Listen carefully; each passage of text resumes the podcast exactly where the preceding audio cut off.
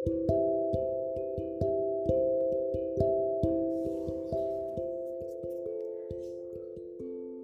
tidak capek selalu membandingkan hidupmu dengan orang lain? Hanya karena kamu membutuhkan waktu lebih lama dari yang lain, bukan berarti kamu tidak berhak bahagia. Sebab kalau kamu hanya membandingkan dengan orang lain, pasti kamu merasa lebih rendah. Maka, cobalah bandingkan dirimu sekarang dengan dirimu yang dulu.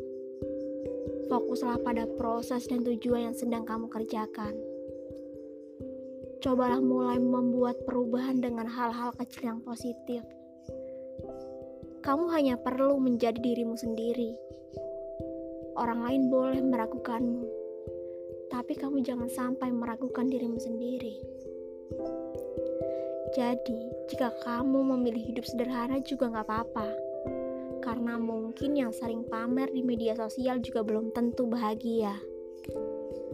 Barangkali mereka hanya butuh validasi.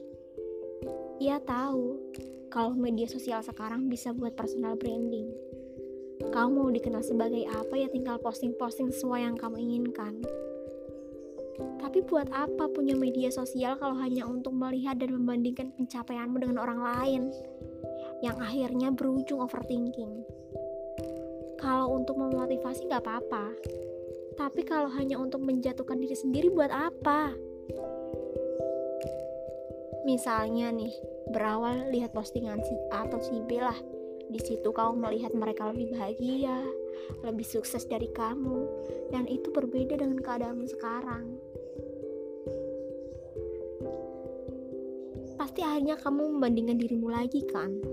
Kok bisa dia seperti itu? Kenapa aku nggak bisa? Dalam peribahasa Jawa, urip iku mung sawang sinawang, mulo ojo mung nyawang sing kesawang. Artinya, hidup itu hanya tentang memandang dan dipandang. Jadi, jangan hanya memandang dari apa yang terlihat, karena apa yang dipandang belum tentu seindah dan semudah yang terlihat.